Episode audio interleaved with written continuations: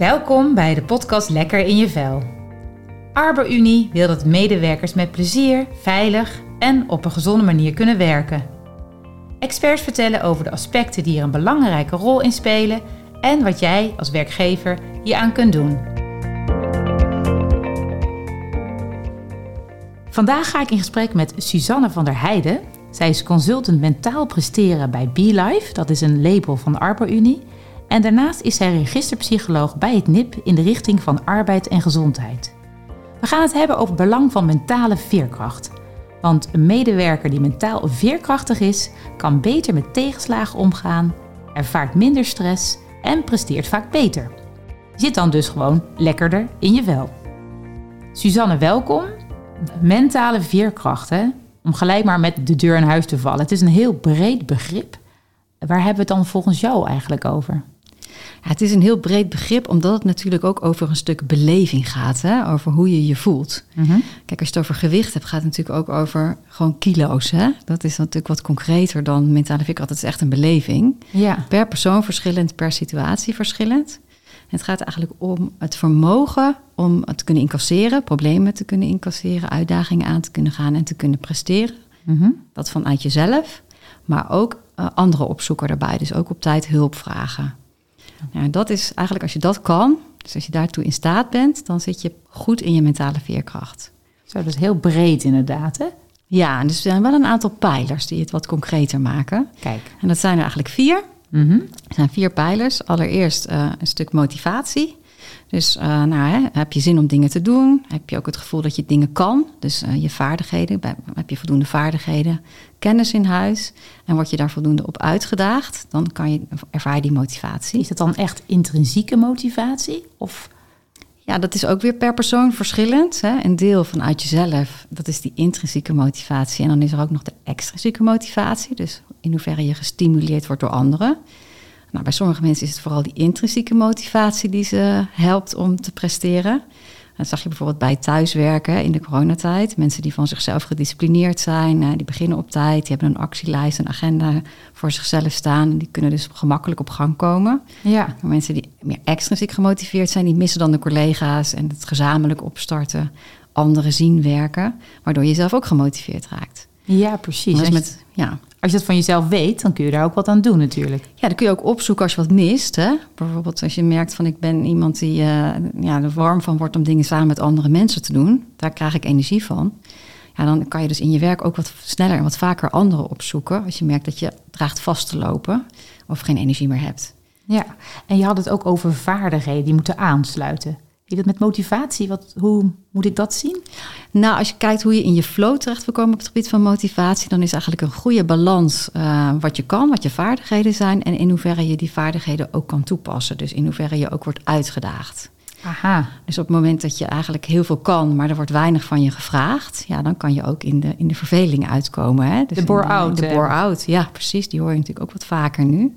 Ja. En uh, als, je, um, heel, als er heel veel van je gevraagd wordt en je hebt het gevoel dat je het niet aan kan, dat je vaardigheden mist of de tijd mist, ja, dan kan je natuurlijk overspannen raken en wat meer richting die burn-out gaan. Dus de balans tussen wat je kan en wat er van je gevraagd wordt, nou, dat zorgt er ook voor dat iets als een flow er hè, voelt. Ja. Dus dat je gemotiveerd kan blijven of dat je op je tenen loopt of dus ja, eigenlijk te weinig uh, wordt uitgedaagd en verveeld raakt. Dus de eerste pijler, hè, motivatie, is vooral ook van, hè, kun je in je flow eigenlijk werken? Ja, kun je werken, maar ook kun je in je flow sporten, kun je in je flow, hè, de thuissituatie, ervaar je die ook, uh, dan kun je daar ook je motivatie in vinden. Want het, kan, het is natuurlijk niet alleen op werk, hè, Nee, het zit op alle precies. vlakken, uh, Ja. die motivatie. Ja, dat is, dat, dat is de eerste pijler, motivatie. Dus intrinsieke en extrinsieke uh, motivatie. Ja. En de tweede? Uh, de tweede pijler is uh, zelfvertrouwen. Dus dat betekent van het, het, vertrouwen in jezelf. Heb je het gevoel dat je de dingen aan kan die je aan het doen bent? Kun je daar tevreden over zijn? Of ben je daar wat meer onzeker over en maak je je zorgen? Zie je veel beren op de weg? Mm -hmm. Dus ook de, de, ja, de manier waarop je over jezelf denkt. Je mindset zit daar ook in. Is het ook een beetje van eerder ervaringen die je hebt gehad, waardoor je wel of geen zelfvertrouwen hebt? Ja, het speelt absoluut mee. Hè? Als je natuurlijk uh, veel positieve ervaringen opdoet, daar groeit je zelfvertrouwen van. En als je natuurlijk een aantal keren wat meer negatieve ervaringen opdoet, dan kan dat een deuk krijgen. Mhm. Maar op het moment dat je toch weer erbovenop komt en jezelf kan motiveren om het nog een keer te proberen, ehm, ja, hoeft dat niet een blijvende deuk te zijn. Kan je je daar ook weer in ontwikkelen. Kan ook een boost geven. Kan ook een boost geven. Want, ja. hè, eh, ik laat gewoon zien dat ik het wel kan, bijvoorbeeld. Ja, bij sommige mensen roept dat dat ook op. Hè? Van als iets niet gelukt is, ik ga meteen nog een keer. Ja. Ja. denk maar aan het eh, van de hoge duikplank duiken. ja. Nou ja, goed, hè? dat is een beetje een persoonlijke ervaring. Maar eh, ik, dat lukt dan een keer niet. En als je niet gaat, blijft dat dus een ding van dat kan ik niet. ja. En als je daarna nog een paar keer gaat en het lukt wel, ja, dan, dan ben je natuurlijk trots. Is je zelfvertrouwen gegroeid en eh, ja, ben je ook geneigd het vaker te doen. Ja, precies.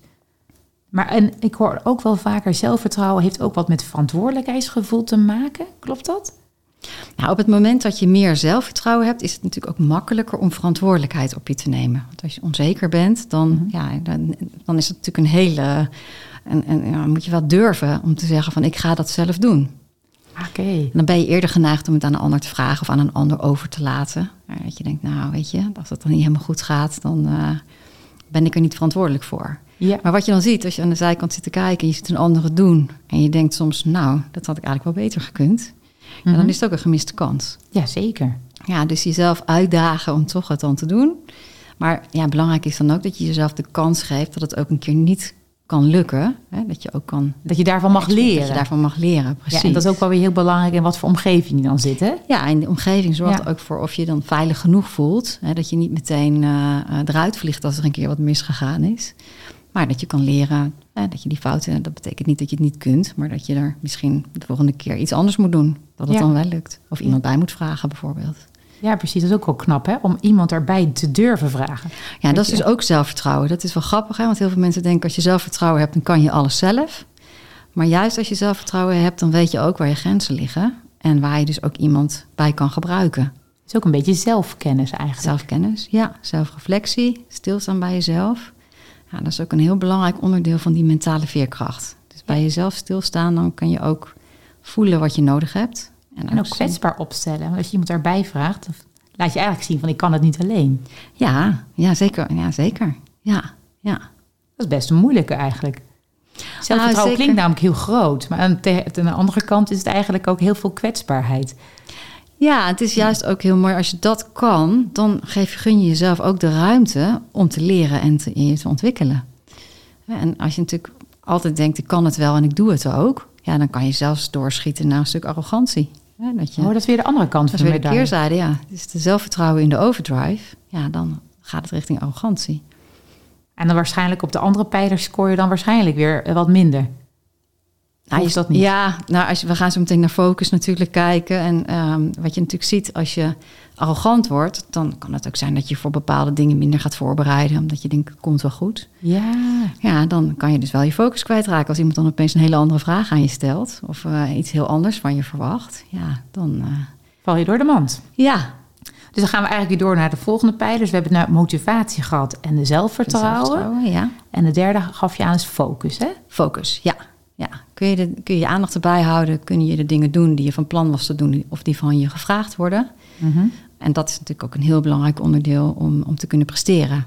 Ja, Dus op het moment dat je kunt eh, natuurlijk wel goed in je vel zitten, zelfverzekerd zijn, gemotiveerd zijn. Maar als je geen doelen hebt en aan, aan dingen niet toekomt, ja, dan kan het nog steeds zo zijn dat je grip verliest. En dus ook je mentale veerkracht achteruit gaat. ja, maar je hoort ook wel eens mensen die dan eh, taken voor anderen doen, hè? Waardoor ze dus hun eigen taken een beetje naar achteren schuiven. Ja, En dan denk je van, ja, maar die is juist heel goed bezig. ja voor de ander wel. Die is hartstikke flexibel en eh, de, hè? Ja, dus dan denk ik, nou, dat, dat is een mentaal veerkrachtig persoon. Dat denk ik zelf, maar dat is misschien dan verkeerd gedacht. eh. Nou, dat is wat je vooral ziet. En voor een ander is dat natuurlijk ook heel fijn. Want je bent heel in- ja, goed bezig voor de ander. Dus niemand zal dat vervelend vinden. Je komt alleen niet toe aan de dingen die voor jou belangrijk zijn. Aha. Ja, en dan kom je natuurlijk uit bij dat stukje verantwoordelijkheidsgevoel, wat je net ook noemde. Als je dan je eigen taken niet afkrijgt, of je gaat s'avonds nog wat langer werken om je eigen taken alsnog af te krijgen, Ja. omdat je je vooral hebt gefocust op het helpen van anderen bijvoorbeeld. Mhm. Ja, dat gaat natuurlijk wel ten koste van je mentale veerkracht, want dat gaat ten koste van je tijd om te ontspannen, Misschien ga je s'nachts nog, nog wel door, dus dat gaat ook nog ten koste van je slaap. Ja, Dat zien anderen niet, maar dat voel je wel vooral zelf. Ja. Dan zeg je ja tegen een ander is nee tegen jezelf. Heb ik ook wel eens gehoord. Ja, ja, en dan dat is een mooi bruggetje naar de volgende pijler. Aha. Want dan gaat je energieniveau natuurlijk naar beneden. De vierde pijler. De vierde pijler, ja, Ja. energie. Dus je batterij eh, eh, moet ook opgeladen zijn om überhaupt eh, toe te kunnen komen aan een stuk focus, aan zelfvertrouwen en aan motivatie. Ja, en de energie. En hoe, hoe laat je die batterij dan op? Nou, de batterij laat je op door dingen te doen waar je energie van krijgt. Is natuurlijk ook weer heel verschillend per persoon. Mhm. Maar je hebt natuurlijk sowieso de fysieke energie. Dus nou, voldoende bewegen, slapen, voeding en ontspanning vallen daaronder. Mentaal, dat je hoofd ook af en toe even leeg gemaakt kan worden. Dat je dat zelf kan doen. Hè? Dus niet de hele tijd bezig bent met van alles en nog wat. Eh, dus ook af en toe even niks doet. Eh, passief Niks doen. ontspant. is wel heel moeilijk, hè? Helemaal niks doen. Gebeurt niet zo vaak, hè? Nou, daar zijn we niet zo goed in. Nee. Nee. nee, kunnen we wel wat leren van, eh, van bijvoorbeeld pubers. Die zijn daar heel erg goed in. Ja, maar je zit dan weer de hele dag op hun social media. Dat is, Ook geen Oh, ni- niks dat doen. is niet niks doen. Nee, dat klopt. Dat is waar. Het echte ultieme luieren, dat bestaat bijna niet meer. Nee, we hebben daar ook eigenlijk alleen nog maar negatieve woorden voor ook. Hè? Want het Oh is ja, lui of eh, eh, tijd verkwisten. Hè? En eh, dat, ja, je, zit je nou niks te doen? Hè? Dat, dat kan toch bijna niet? Nee, Of dat je dat geld. zelf ook voelt. Hè? Dat je op de bank zit en denkt, is er nou echt niet iets wat ik zou moeten doen? Dat zit ook een beetje in onze cultuur. Ja, Dat je klopt. eerst, eerst wat doen en dan pas uitrusten. Ja, dat klopt. Ja, tuurlijk. Ja. Maar passieve ontspanning, dat is zo. Hè? Je hebt de actieve ontspanning van het sporten en het bezig zijn. En de passieve ontspanning waarbij je kan reflecteren, kan nadenken over dingen, dingen kan laten bezinken. Mhm. Ehm, ja, is ontzettend belangrijk voor die ruimte in je hoofd. Meditatie, yoga, dat soort dingen bedoel je dan? Ja, die kunnen daarbij helpen. Ja, Ja. Of wandelen kan ook gewoon. ja wandelen zonder dat je daar natuurlijk met een doel echt eh, aan het wandelen bent. Of, Geen eh, podcast ondertussen. Nou, dat kan. Als het een podcast is waar je ook in geïnteresseerd bent en eh, die jou ook een beetje over, eh, aan reflectie brengt. Hè? Dus je hebt podcasts die heel veel informatie geven. Dat zou ik dan niet zo adviseren. Maar podcasts die je aan het denken zetten, dus die ook, waar ook vragen in zitten. Van, eh, Die interesseren ook, die hè? Waar je energie van krijgt natuurlijk. Precies. Ja. Ja. Ja. die kun je dan natuurlijk zeker daar wel bij gebruiken. Muziek kan ook. Mits je maar gewoon ook de focus houdt op het wandelen en niet op het presteren. Dus weer wat moeten dan. Hè? Dat Ja. je weer binnen een kwartier zoveel kilometer wil eh, lopen. ja, dat zit ook weer in onze cultuur natuurlijk. Ja, Maar er zijn best wel veel dingen en er zijn best wel grote pijlers. Hè? Dus we hebben motivatie, zelfvertrouwen, focus en energie. Dus we hebben vier pijlers en die samen maakt dat die- je dan... veerkrachtig bent. Ja. Oké, en als je dan op één van die pijlers zeg maar best hoog scoort, maar op een andere pijler wat minder. Hoe erg is dat dan? Hoe, hoe, hoe scoor je dan eigenlijk op je mentaal veerkrachtigheid? eh? Nou, het zijn vier pijlers. Het voordeel is dus ook dat het vier pijlers zijn. Hè? Dat ze elkaar natuurlijk ook wel een beetje kunnen compenseren. Als het ene iets minder is en het andere wat meer. Maar als je echt één of twee pijlers mist, ja, dan wordt het wel lastig. Eh, een auto eh, doet het ook niet op twee wielen. Dat is een mooie metafoor. Ja. Ja, en een stoel op twee poten zit ook niet heel relaxed. Dus ja, je hebt wel alle pijlers nodig om Op uiteindelijk... een bepaald niveau. Ze moeten wel ja. een soort van in balans zijn, als ik jou zo begrijp. Ja, ja, en als ze in balans zijn, dan, dan zit je eigenlijk het, het best in je mentale veerkracht. En het ene moment zul je dus wat meer aan motivatie en zelfvertrouwen kunnen werken. En de andere keer wat meer aan focus en energie. Ah, Oké, dus op, op momenten eh, afhankelijk eigenlijk. Ja, ja, ja. En hoe weet je nou eigenlijk waar je staat op, eh, op, op deze vier pijlers? Ik bedoel, geen idee van, nou ja, ik denk, ik ben enthousiast, dus mijn motivatie zal wel hoog zijn. Maar hoe, hoe kun je dat eigenlijk het beste voor jezelf scoren? Ja, belangrijk is dat je jezelf een beetje leert kennen. Hè? En in, Dat is eh, altijd handig dat is altijd natuurlijk. handig, precies. en, dus, eh, en daarvoor ook eens stilstaat bij hoe zit ik in elkaar en eh, wat is mijn profiel. Ehm, hoe ben ik ook ontwikkeld natuurlijk? Hoe heb ik me gevormd in mijn leven? Nou, dat kan je natuurlijk vanuit het niks doen. Hè? Zo vanuit jezelf. En je kunt er ook een hulpmiddel bij zoeken. bijvoorbeeld altijd in de vorm van een vragenlijst of in de in de vorm van gesprekken. Mhm. En waar wij binnen BeLife veel mee werken is de Strengthscope. Dat is een vragenlijst gericht op sterke punten. Oké, de sterke punten, daar ga je vooral naar kijken dan. Ja, je gaat kijken naar je sterke punten. En van daaruit ook kijken van hé, hey, waar ligt dan mijn kracht en waar haal ik energie uit? Waar functioneer ik goed op? En natuurlijk ook, we, we hebben altijd een aantal favoriete sterke punten die we natuurlijk makkelijk naar voren kunnen halen. Maar het is natuurlijk ook interessant om verder te kijken van welke talenten heb ik nog meer? Welke sterke punten heb ik nog meer? En kan ik ook nog inzetten, waardoor je nog weer wat breder je mentale veerkracht bijvoorbeeld ook kan ontwikkelen. Dus je moet je vooral focussen op je sterke, sterke punten eigenlijk, als ik het zo begrijp. Nou, in ieder geval helpt dat om die veerkracht te vergroten. Uh, het betekent niet dat je natuurlijk alleen maar bezig bent met sterke punten. We hebben ook allemaal punten waar we niet goed in zijn, uh, waar we ook niet goed in zullen worden. Het is natuurlijk ook heel belangrijk dat je die ook in beeld hebt. Waar je dan misschien hulp bij kan vragen. Ja, het, het, gaat er niet om dat je die dan alsnog ook ontwikkelt. Want dan ben je eigenlijk een beetje aan het trekken aan een dood paard bij jezelf. Nou, dat motiveert natuurlijk niet. De anderen er veel beter in zijn. Ik ja, denk, die doen ja. het in een kwartier terwijl ik een uur bezig ben. Met ja, dat is eigenlijk zonde. Ja. En, uh, dus dat je ook kan kijken wie kan ik daarbij zoeken. Wie kan me daarbij helpen of wat kan me daarbij helpen. Want soms is, kun je het ook uh, gemakkelijker doen met hulpmiddelen. Dat helpt dan ook weer om natuurlijk meer uh, energie en tijd over te houden voor de dingen waar je wel energie van krijgt en goed in bent. Ja. En dat vergroot uiteindelijk dan ook weer je motivatie en je zelfvertrouwen. En daarmee natuurlijk ook je mentale veerkracht. Ja, daar heb je weer die vier pijlers uh, waar je naar verwijst. Uh. Ja.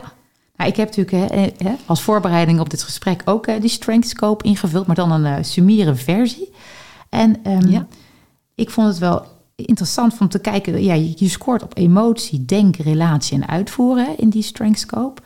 Ja. En um, hoe ik dan zeg maar um, die, die om, om, zeg maar, omzet naar die pijlers. Hoe, als ik zeg maar, ik kwam um, hoog op emotie, had ik gescoord, maar ik lager op besluitvaardigheid en efficiëntie. Dat had bij uitvoeren. Ja. Toen dacht ik, oké, okay, maar uh, wat heeft dat dan met motivatie, zelfvertrouwen, focus en energie te maken? Ik snapte niet helemaal goed hoe ik dat het ene met het andere kon verbinden, zeg maar, vanuit die uh, analyse. Ja. ja, dus je vertelt dat je op emotie hoog scoort, hè? En um, op welke punten? Van Enthousiasme emotie? en optimisme. Ja, dus daar zie je jou, daar zit jouw talent en jouw kracht. Hè? Extreem extravert, dacht ik. Ja, zeker in combinatie met relatie, hè, waar je, die je ook. Oh, die had ik ook, ja. Ja, ja. ja. ja. dan zie je dat je dus vooral op zelfvertrouwen en op motivatie en energie zit jij goed, hè?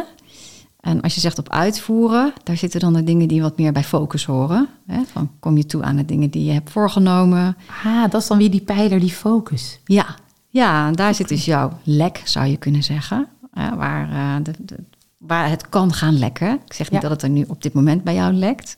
Keuzes maken, Eén ding jij, helemaal afmaken. Ja, op het moment ja. dat je te weinig keuzes maakt, afwijkt van wat je hebt afgesproken, kan je op een gegeven moment wel kan het gaan schuiven. Ja. Uh, op de pijlerfocus.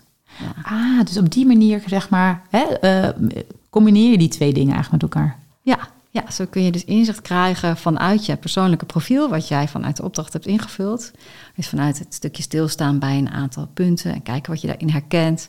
Feedback aan andere vragen is ook heel leuk, hè? Dus dat je kan kijken van wat geven anderen me terug. Ja, en ik begreep ook uh, dat uh, iemand anders die ook die strength scope had ingevuld, dat je ook hele andere feedback wellicht gaan aan wie het vraagt. Ja, absoluut. Collega's ja. een hele andere feedback gaven dan uh, vrienden bijvoorbeeld. Ja, is dat dan, ben je dan gewoon per situatie een ander uh, mentaal veerkrachtig persoon? Of hoe moet nou, er wordt wel dan? iets anders van jou gevraagd. En je laat dus ook wat anders zien uit jouw profiel. Hè? Dus het kan zijn dat je bij je vrienden veel meer gelijkgestemden hebt. Hè? We zoeken onze vrienden natuurlijk toch wat meer uit dan onze collega's. Ja.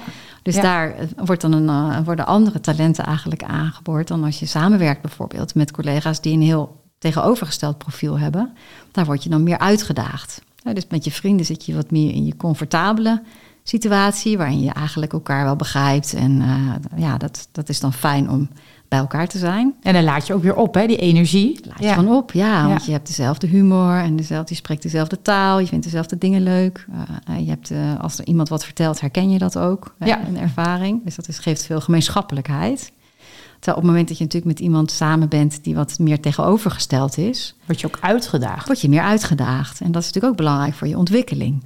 Ja, want dus, dat heb ik ook wel eens gehoord. Dat je eigenlijk, je, om je mentale veerkracht te vergroten, je eigenlijk continu jezelf moet blijven uitdagen. Een soort stretchen. Ja, dat? zeker. Ja, als je wil ontwikkelen. Kijk, als je natuurlijk elke keer op dezelfde plek blijft zitten en hetzelfde doet, ja, dan, dan blijft het ook hetzelfde. Hè? Dat is dan wel heel comfortabel en fijn.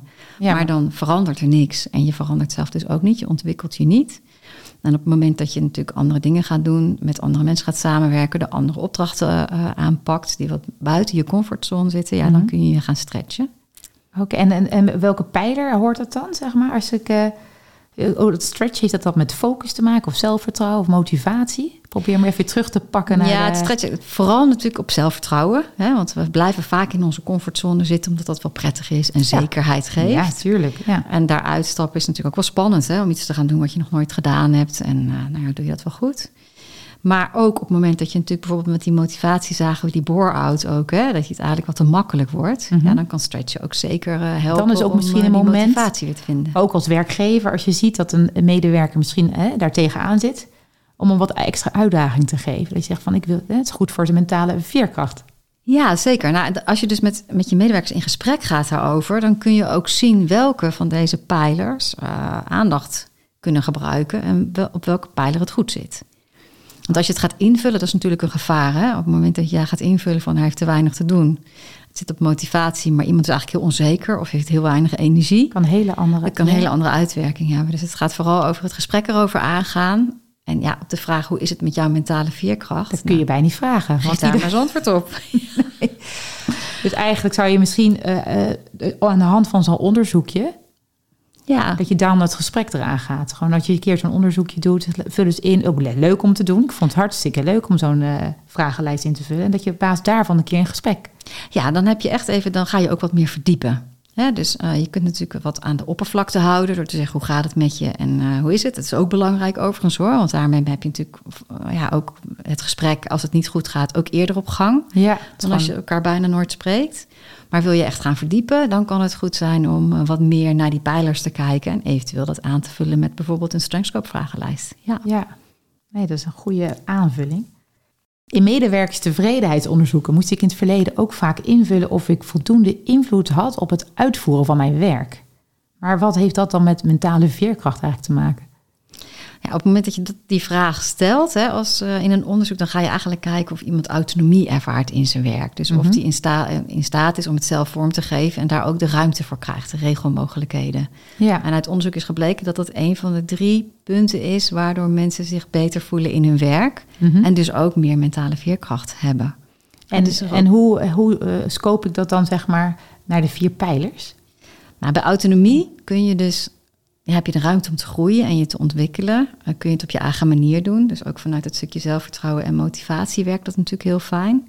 En eh, kun je ook je focus zelf bepalen. Ah, Dus oké. Dus eigenlijk op meerdere pijlers heeft het eigenlijk invloed dan. Ja, het is wel per persoon verschillend. Hè? Want Sommige mensen vinden het heel fijn om juist eh, te horen te krijgen wat ze moeten doen. En eh, dus dat, dan werkt dat natuurlijk ook beter. Maar over het algemeen vinden we het fijn om zelf op onze eigen manier de dingen te kunnen doen. Krijg je ook weer eh, pijler 1, motivatie. Het geeft motivatie. Ja. En je hebt ook het gevoel dat je het zelf gedaan hebt, hè, dat het niet is voorgekoud. Of al hè, dat je moet, precies moet doen zoals het is gezegd. Dus zelfs in een functie waarbij al veel vast ligt, is het heel fijn als je natuurlijk ook je eigen inbreng kan hebben. Je eigen kleur eraan kan geven. En dan kom je weer in de flow eigenlijk. Kom je in de flow. Ja.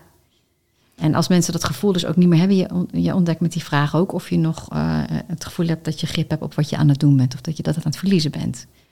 Op je eigen werk bedoel je? Ja, ja als, je, als je de vraag krijgt, kan ik nog de dingen doen? Hè? Je zei, kan ik het werk organiseren? Ja, voldoende invloed kan uitoefenen op het eh, uitvoeren van mijn werk. Dat ik Ja. het kan doen op mijn manier eigenlijk. Ja, dat is op jouw manier. Maar op het moment dat je natuurlijk het overzicht kwijt bent, dan gaan we ook wat meer op de automatische piloot dingen doen of snel dingen doen. En dan, dan zijn we ook minder tevreden over wat we doen. Dus Ja, over de uitkomst. ja, precies. je denkt, nou ja, ik heb het maar gedaan omdat het zo moet, maar niet om hoe ik het zelf ha- had. Ja, dus het geeft geen voldoening meer. En uiteindelijk ja, gaat dat natuurlijk ook aan je knagen. En eh, nou gaat dat ook een negatieve uitwerking hebben op je mentale veerkracht. Kijk, heeft, uiteindelijk heeft het al die vragen toch komen dan weer op die vier pijlers. Ja, het zijn hele belangrijke pijlers om, om, eh, om goed te kunnen functioneren als medewerker, maar dus ook als organisatie. Ja, om daar die in ieder geval goed eh, in zicht te hebben. Ja. En ook nu eh, met de actualiteit. Hè. Het is hartstikke onzekere tijden, crisis op crisis. Hè, de energiecrisis, oorlog. Ehm, zien jullie ook, en daarnaast ook nog gewoon hoge werkdruk. Gaat gewoon door het werk, terwijl de hele wereld eigenlijk in brand staat. Maar zie je ook bij, bij werknemers de mentale veerkracht afnemen? Nou, wat je sowieso ziet, hè, dat was ook vorige week eh, in het nieuws, dat, eh, dat eh, het ziekteverzuim, het aandeel van de mentale psychische klachten dus, is toegenomen van een kwart naar een derde. Dus er is zeker meer sprake van mentale druk. En mensen hebben ook meer psychische klachten. Dat is best wel veel. Ja, dat is absoluut veel. En er speelt natuurlijk heel veel. We hebben ook een coronatijd achter de rug, hè, waarin we ontzettend zijn uitgedaagd. En met name natuurlijk ook heel veel was weggevallen, waar we energie van kregen, waar we blij van werden. We hebben Ja. een beetje stilgestaan. Die collega's, ja. Collega's niet gezien, hobby's niet kunnen doen, sociale contacten niet kunnen hebben, feestjes, bioscoopbezoek. Het klinkt allemaal heel klein, maar het is natuurlijk wel een hele belangrijke voor je energie. Ja, dat is weer een van de pijlers, je Dat is energie. weer een van die pijlers, precies. De focus was daarentegen misschien wel weer beter. Nou, dat hoor je dus wel bij veel mensen. Nu weer dat, dat stukje weer, eh, eh, hoe kom ik weer toe aan alles? Want we hadden natuurlijk heel weinig te doen. En daardoor wat we deden, kregen we wel af. Ja, dat Dus klopt. dat is absoluut nu, eh, nu weer de uitdaging van, van deze tijd. Van eh, keuzes maken. En heel veel mensen zijn ook een beetje aan het inhalen hè, na corona. Dus die, eh, alle Wordt de batterij misschien juist weer leger door alle leuke dingen. Precies, ja. ja. En dan is het weer belangrijk om daar dan weer die balans te vinden. Hè? Dat je op al die vier pijlers eigenlijk hè, op Ja. hetzelfde niveau zit. Ja, dat je weer teruggaat naar van hoe staat het ervoor. En misschien moet ik dan toch even een andere keuze maken en een keer iets overslaan. Nou, klopt. En natuurlijk wat er in de wereld gebeurt, ja, dat houdt ons allemaal bezig. De, de een wat meer dan de ander. ja. Van, want dat geeft ook een stuk toekomstonzekerheid. ja. dat Nee, is een stuk waar je geen grip op hebt zelf, maar wat, waar je wel heel veel met de gevolgen te maken hebt. ja, en dat is dan wel weer lastig, zeg maar. Je kunt er zelf geen invloed op uitnoemen. Het is niet in jouw cirkel van invloed. Maar hoe, als leidinggevende, zeg maar, hoe ga je dan dat gesprek aan met, met zo'n medewerker van, oké, die zich heel erg druk om maakt, bijvoorbeeld, waardoor zijn energie heel erg naar beneden gaat. Ja, nou wat mooi is, is om in ieder geval goed te luisteren wat de aspecten zijn hè, waar iemand mee zit. En, en te kijken, ook het gesprek aan te gaan, waar, waar, heb je invloed op en waarop niet. En Ja. wat heb je van mij nodig eh, om je daarbij te helpen? Kijk, hulp vragen. Ja, hulp aanbieden. aanbieden al. eigenlijk. Ja, vooral. En de Ja. vraag stellen van waar kan ik jou bij helpen? Geeft al een stuk erkenning. Hè, dat, eh, dat het ook normaal is dat je je daar druk over kan maken. Kijk, de reactie van, joh, daar moet je je helemaal niet druk over maken, want daar kan je niks aan doen. Nee, dat, dat is. Dat voelt niet goed, hè? Nee, dat voelt niet lekker. Nee. Nee, nou, dat is omdat je iemand niet erkent. Ja. Eigenlijk je eigen beeldvorming erop legt. En niet luistert waarom iemand zich druk maakt. Hè. Wat, wat speelt er mee? Hè? Is iemand zelf bang om in die situatie betrokken te raken? Of heeft hij familie daar wonen? Of heeft hij andere redenen om zich er druk over te maken? Misschien zelf iets naars meegemaakt wordt, of weer omhoog wordt Je weet het niet? Je weet het niet. Dus Nee. de navraag doen, eh, het erkennen, dus eh, de ruimte geven om erover te hebben. En te kijken ook, wat heb jij dan nu nodig om het weer klein te maken? Om het weer terug naar hier te halen. En ja, te kijken, wat heb je nodig om je weer goed te voelen? Ja, en als werkgever kun je daar best wel veel in betekenen natuurlijk. Ja, meer dan we ook vaak denken. Ja, dus alleen al de ruimte geven dat iemand net iets later mag beginnen. Ja, precies. Of dat Of je, iets. ja, als het even niet gaat, even eruit kan stappen en, eh, en even een pauze kan nemen bijvoorbeeld. Hè? En dan weer verder kan gaan. Dat je met name mensen de ruimte geeft. En vaak zie je dan ook als ze doorhebben wat ze nodig hebben, dat ze dan ook weer meteen zich beter voelen. Dan is er nog niet eens zo heel veel gebeurd, maar ze hebben het gevoel dat ze weer regie hebben. Dat is belangrijk. Nou, dat is een mooi om mee af te sluiten. Hartelijk bedankt eh, voor dit gesprek. Heel graag gedaan. Dit was weer een aflevering van de podcastserie Lekker in je vel. We hopen natuurlijk dat we je hebben kunnen inspireren om met leefstijl aan de slag te gaan. En wil je meer weten over hoe je mensen lekker in de vel laat zitten? Luister dan naar onze volgende aflevering in deze podcastserie Lekker in je vel.